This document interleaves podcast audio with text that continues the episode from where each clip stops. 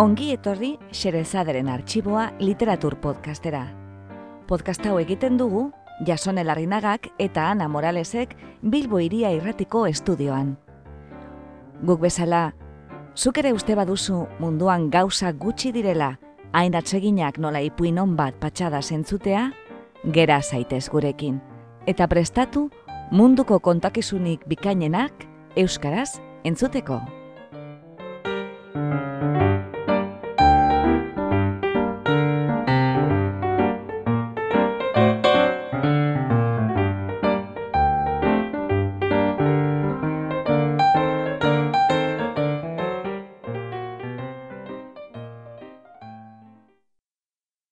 Gaur, xerezaderen arxiboan, Dezigeren umetsua, egilea, Kate Chopin, itzultzailea, Ana Morales.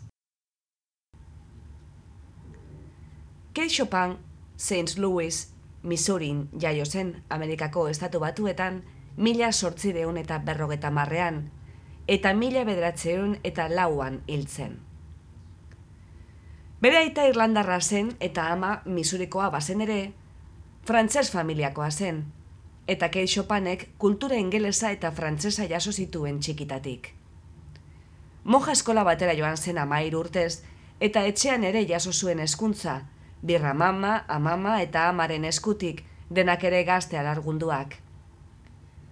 Emakume singuraturik hasi zen, aita eta neba guztiak gazte galdu bait zituen. Bide nabar, Kei Chopinen birramama izan zen St. Louisen legalki banatutako lehen emakumea, idazten eta irakurtzen ikasi zuen gero, aita ez ezaguneko beste ume bat izan zuen, ibai barkuen negozio bat sortu zuen, eta magnate izatera heldu zen. Kei Chopin, hogei urterekin eskondu eta New Orleansera joan zen bizitzera senarrarekin, gizona kotoi artekaria zen eta. Gero, negozioak utzeginik, gizonaren familiaren plantaziora joan ziren, Louisiana iparraldera, non kriolloen kolonia handia baitzegoen. Oscar Chopinen familia, esklabu jabea zen, keiten amaren familia bezala. Hogeita sortzi urte bete zituenerako, Kei Chopin zei umeren ama zen, eta hogeita mabi urterekin alarguna. Guzti sorpetuta utzi zuen zenarra kiltzean. Bolada batez negozioen ardura hartu bazuen ere, azkenean dena saldu eta Kate amaren etxera joan zen zemealabekin, baina laster ura ere izitzaion. Depresio handi batek jota, Kateek idazteari ekin zion, Frederick Colbenheyer ginekologo, familiako lagun eta idazlearen aholkuz. Keixopanek ostegunero saloi literario bat antolatzen zuen bere etxean, eta saloi hortako kidea zen Colbenheyer laguna. Idazteak bizibide modurik eman espazion ere, Chopin lastero hartu zen bizitza bai ematen ziola idazteak. Mila sortzireun eta laro eta bitik, mila bederatzeun eta laura, berreun ipuin inguru eta bi novela idatzi zituen, At Fault eta The Awakening. Bere narrazioetako askotan, Luisianako kriolloen izkera eta ohiturak espilatzen ziren, eta horrek idazle kostumbristaren etiketa erantzi zion eta beste alderdi batzuk estali zituen luzaroan. Baina Chopinen hainbat historiotan, emakumeen esperientziak asaltzen ziren angelu berrietatik. Independentziarako grina eta desira sexuala agerian jarriz. Gaur irakurriko dugun desireren umetxoaz gain, bereziki gomendagarriak dira The Story of an Hour eta The Storm ipuinak. Historioek oso harrera ona izan zuten eta zabalkunde handiko aldizkarietan argitaratu ziren, ala nola Vogen edo The Atlantic Monthly, baita literatura aldizkari askotan ere. Itzulpenak eta kritikak ere argitaratu zituen Chopinek. Arazoak etorri ziren The Awakening novela argitaratu zuenean. Kritikak eraso egin zion, eskandalizatuta. Orain asko ez dela, 2006an eta 2008an, erretiratu egin zuten liburua estatu batuetako bigarren hezkuntzako bi institutoko liburutegietatik. The Awakening edo esnatzeak asaltzen du nola goimailako emakume eskondu bat maitemintzen den bere senarra ez den gizon batekin eta pasio horretatik abiaturik, baina bera gaindituz, independentzia berri bat deskubritzen duen. Lengo bizitza antolatua eta konbentzionala utzita, bere kabuz bizitzera doa senarra eta umeak abe, eta uoldeka arnatzen saion sormenari ematen dio bide, pinturaren bitartez. Liburua mila sortzireon eta larogeta emeretzian argitaratu zen. Mila bederatzion da zeian beste argitaraldi bat izan zuen, baina hurrengo berrogeta mar urteetan etzen berri zinprematu. The Awakening-ek hain kritika gogorrak ekarri zizkion Chopineri, non ia erabat utzi zion idazteari. Hogei garren mendean kritika feministak berdezkubritu eta gora zuen idazle honen obra ausart eta modernoa, emazte eta ama atipiko, sexualki aktibo eta desobediente ezbetea. Gaur dakargun ipuinak, Kate Chopinen garaikideak desero soi hartzeko moduko beste gai bat plazaratzen du arrasarena. Ipuinaren muina ez azaleratzearen, ez dugu hemen gehiago esango. Bakarri gomendatuko dugu, ipuina hau irakurri eta osterako, hogei garren mendeko beste idazle baten novela labur bat irakurtzea. Passing, Nela Larsen idazlearena. Eta orain, ezagutu dezagun, desireren umetxoa.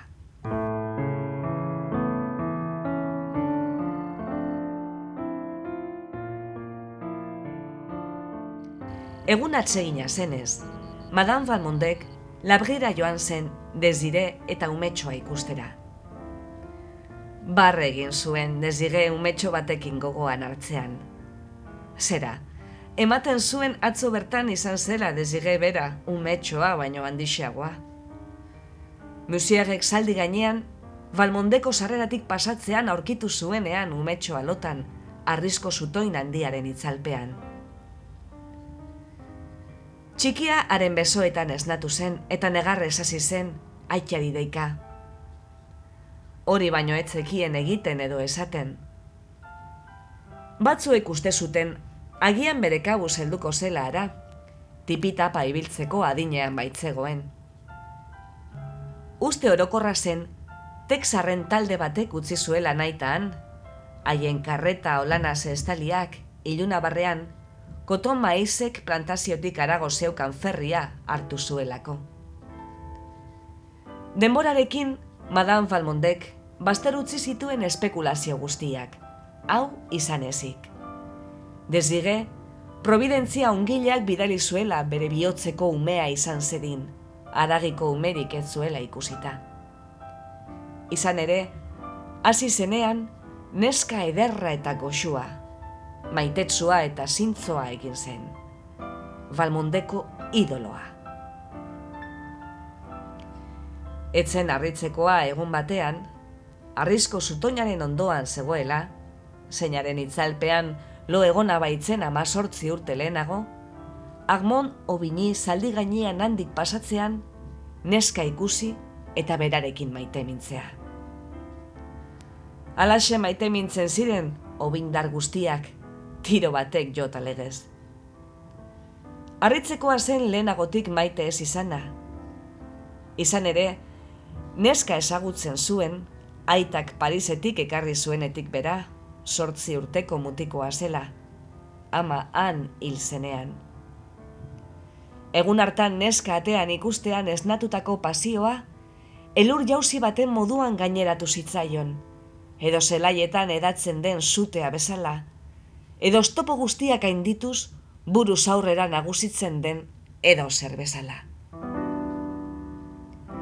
Monsieur Valmonde praktiko jarri zen, eta gauza guztiak ondo aztertu gura izan zituen. Hau da, neskaren jatorri iluna. Agmondek neskaren begiei zo egin eta berdin izan zitzaion. Gogorarazi zioten neskak ez zuela abizenik. Ze asola zion abizen batek, berak emana altzionean, Luisianako abizen zahar eta arroenetako bat. Parisen enkargatu zuen kogbeiloa, eta alzuen pazientzia guztiarekin eutzi zion bere buruari ailegatu zen arte. Orduan, eskondo egin ziren. Madame Valmondek, lau aste zera matzan eta umetxoa ikusi barik, labrira heldu zenean, otzikara izan zuen ikusi eta batera, hoi zuen legez.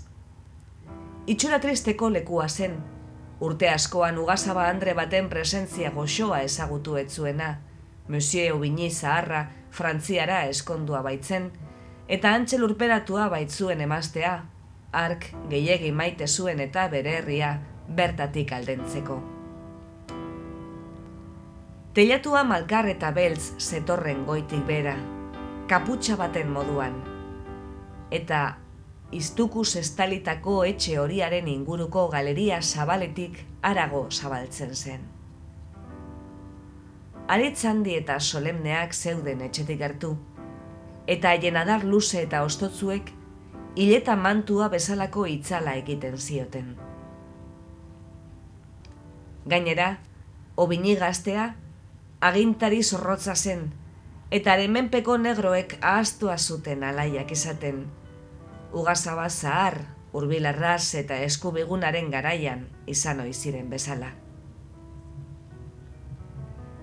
Ama gaztea astiro indartzen ari zen, eta etzanda zegoen, muselina eta farfail zuri lehunetan, sofa baten gainean.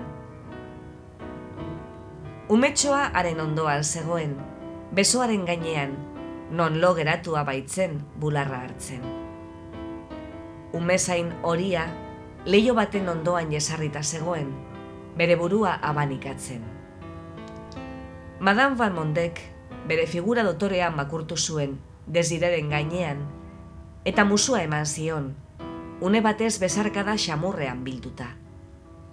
Gero, umearen gana giratu zen. Hau ez da guri umetxua. Hotz egin zuen, txunditu doinoaz. Egun haietan, frantsesez egiten zuten falmonden. Jakin dut zure eta lur geratuko zinela, esan zuen dezirek barreka.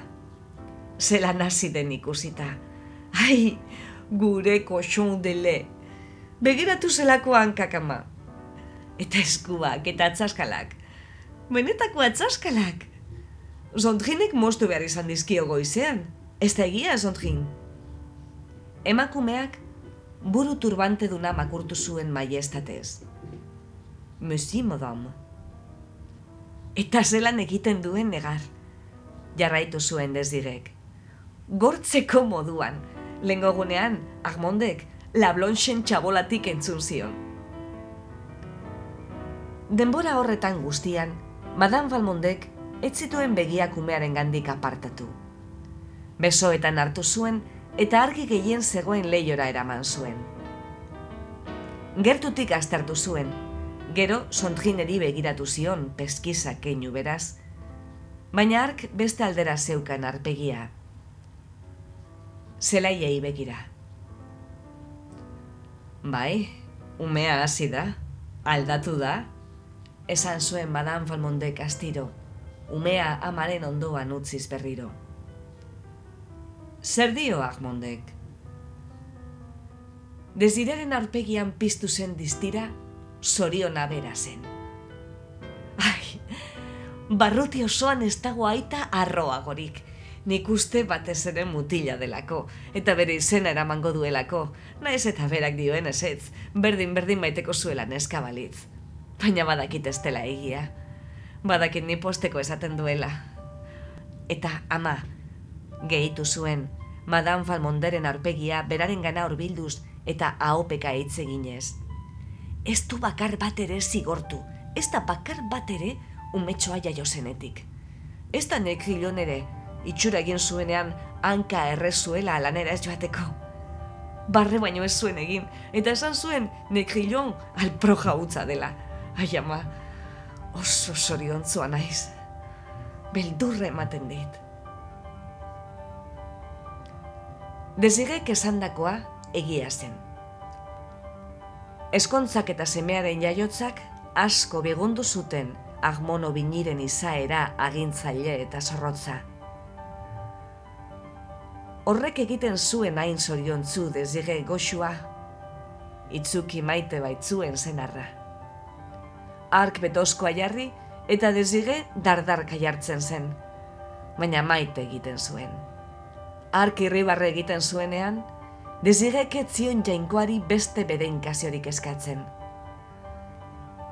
baina betozkoek ez zuten oso sarri ahmonden aurpegi ilun eta ederra desitxuratu dezigerekin maitemindu zen egunetik.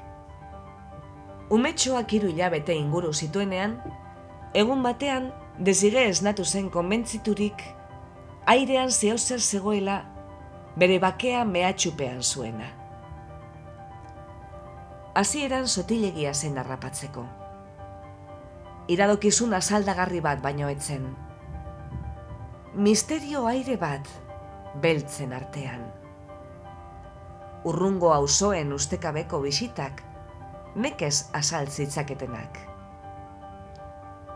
Gero, aldaketa bitxi, izugarri bat zenarraren moduetan. Zeinaren zergatia galdetzera, dezige etzen ausartu ere egin. Zenarrak berba egiten zionean, begiak apartatuta egiten zuen, eta bazirudien lengo maitasun argia itzalia zela begi haietatik. Gizona desagertu egiten zen etxetik, eta bertan zegoenean, iez egiten zien bai berari eta bai umeari aitzakiarik gabe. Eta bazirudien bapatean satanen espiritua perak hartu zuela gizona esklauekiko harremanetan. Dezigen zore gaitza, hiltzeko modukoa zen. Arratsalde bero batean, bere gelan zegoen, peinoarrean jesarrita, sorbalda gainean erortzen zitzaion hile marroi zetatzu eta luzearen xerloetatik atzamarrak sartzen gogo motelaz. Umetxoa, erdibilutzik, lo zegoen bere kao basko oe handian, zeina tronu handioz baten modukoa zen, satenez forratutako zeru erdia eta guzti. La Blanche mutiko mulatoetako bat, erdi bilutzik bera ere, ondoan zegoen, umetxo astiro abanikatzen, pauma egatzesko abaniko batekin. Dezigek, umetxoaren gan finkatuak zeuskan begiak, ausente eta triste. Bere inguruan biltzen sentitzen zuen lainu mehatxugarria zulatzeko borrokan zehar duela. umetxoaren gandik, ondoan zegoen mutikoaren gana begiratu zuen. Eta atzera berriro. Eta behin eta berriz. Ah! Eutxe ezineko oiua izan zen. Oartu ere etzen egin bota zuenik. Odola izostu egin zitzaion sainetan, eta ezetasun hotz batek estalizion aurpegia. Mulatotxoari berba egiten saiatu zen, baina hasieran ez zitzaion soinurik atera. Ark bere izena entzun zuenean, gora begiratu eta Ugasaba Andrea atea seinalatzen zegoen. Abaniko handi eta leuna albo batean utzi eta eskutatu egin zen, esaneko, zoru distiratzuaren gainean, oin puntja biluzietan.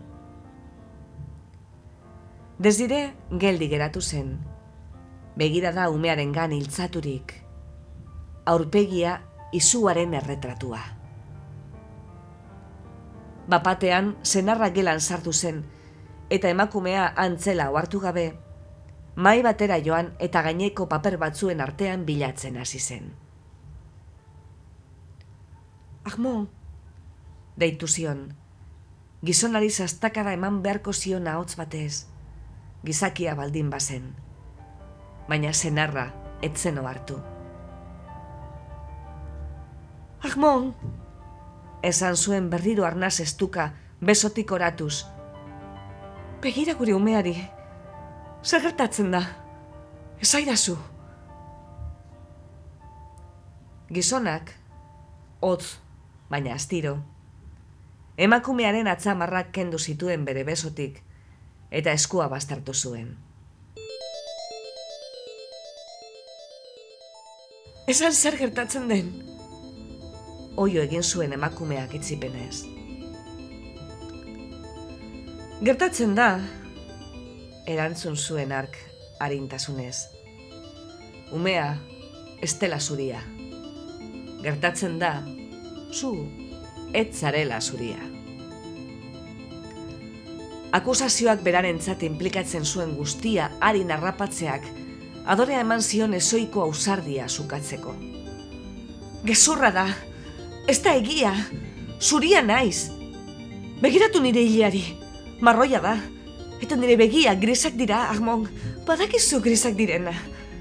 Eta nire asala, argia da. Gizonari eskomuturretik helduta. Begiratu nire eskuari, zurea baino zuriagoa da, Armon. Barre histerikoaz. La blonxena bezain zuria. Arrapostu zion arksitan. Eta joan egin zen, desige eta umea bakarrik utzita.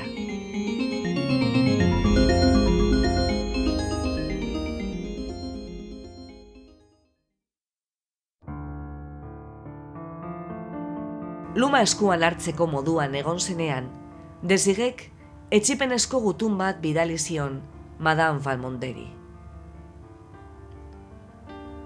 Ama, esaten didate naizela zuria. Armondek esan dit, enaizela zuria.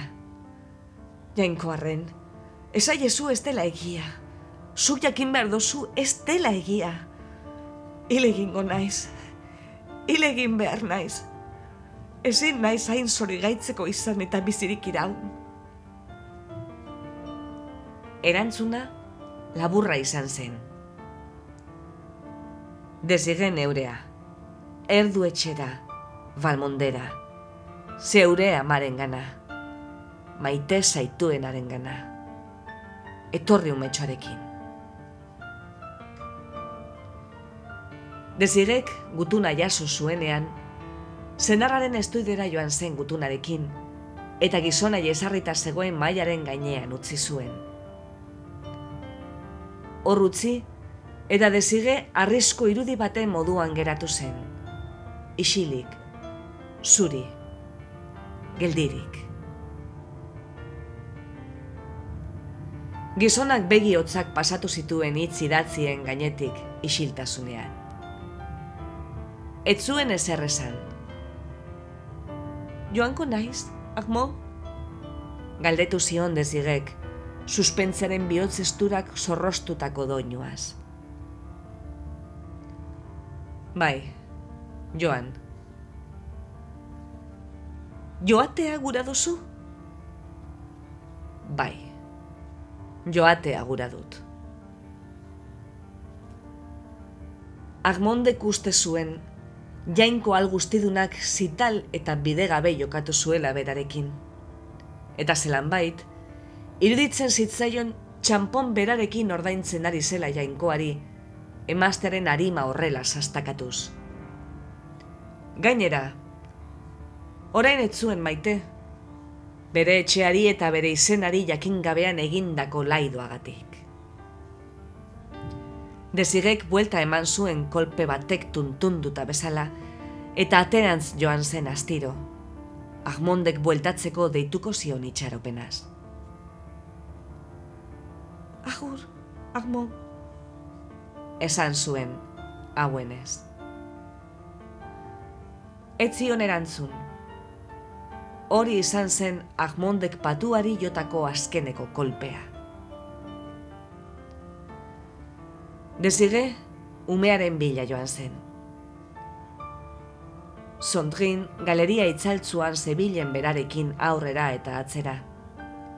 Dezigek txiki hartu zuen umesainaren besoetatik azalpenik gabe, eta eskailerak jaitziz alde egin zuen, aritzen adarrenpean. Urriko arratsalde bat zen, eguzkia ondoratzen ari zen. Zelai bareetan, negroak kotoia batzen zeuden. Desirek ez zituen aldatu soinean eukitako jantzi zuria eta zapatilak. Burua estalibarik zeukan, eta guzki izpiek urrezko distira ateratzen zioten hile katramila marroiari. Ez zuen hartu Valmondeko plantazio urrunera zeraman errepide zabala, normalean jendeak erabiltzen zuena.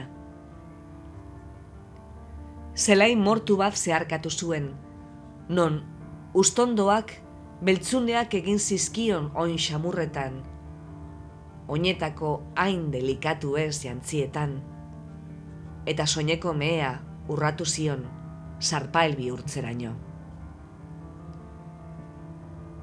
Padura sakon eta geldoaren ertzetako ihi eta sahatz masan desagertu zen, eta etzen sekula itzuli.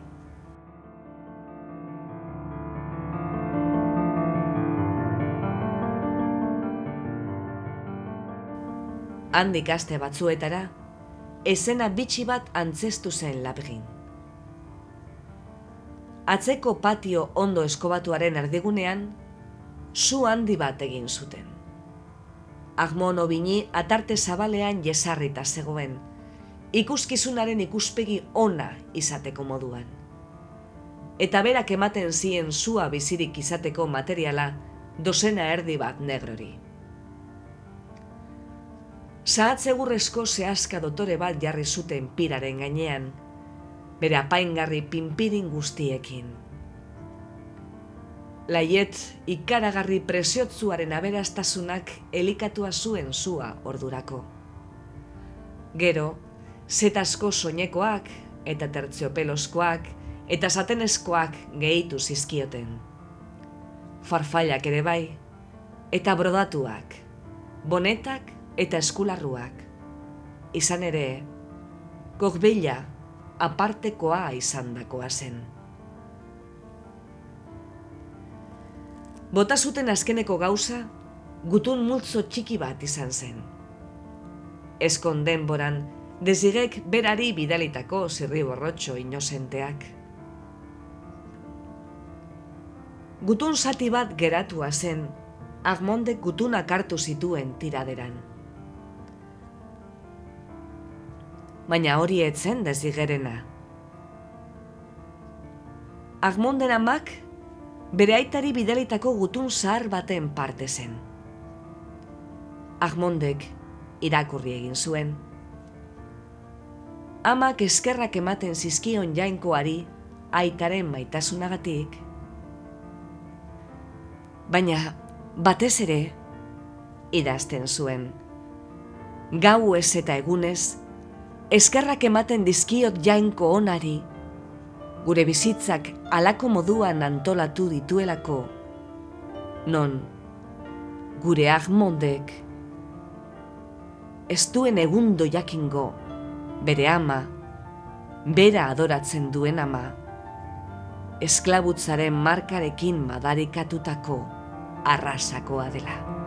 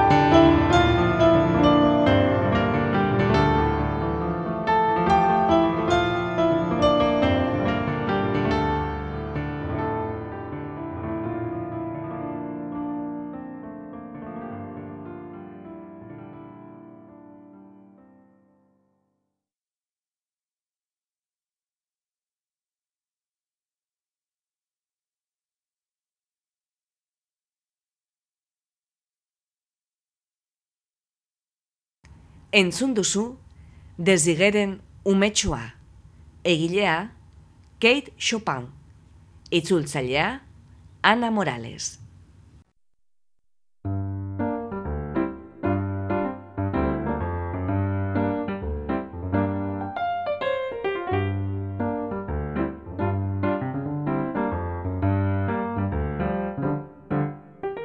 Xerezaderen artxiboko beste atal bat entzun duzu. Gure doinoa da Charleston Behind the Attic Door, Dance of the Wind taldearena. Besterik adierazi ezean, gure musikak jamendo.cometik hartuak dira, eta soinu efektuak berriz freesound.cometik ateratakoak. Podcast hau egiten dugu Jason Elarrinagak eta Ana Moralesek Bilbo Iria Irratiko estudioan. Gure audioak online entzuteko edo eskuratzeko eta podcastaren arpidedun egiteko, bilagaitzazu iTunesen edo joan gure blogera irubebikoitz.blogak.com barra isa a lp. Irriketan gaude zure iritzia jakiteko eta zure gurariak betetzeko. Beraz, gure blogera soazenean, eza astu iruzkina ustea eta irakurgai proposamenak egitea. Eskerrik asko gurera hurbiltzeagatik. Gustora egon bazara, etorri urrengo batean berriz ere, Xerezaderen arxiboa literatur podcastera. Laster arte!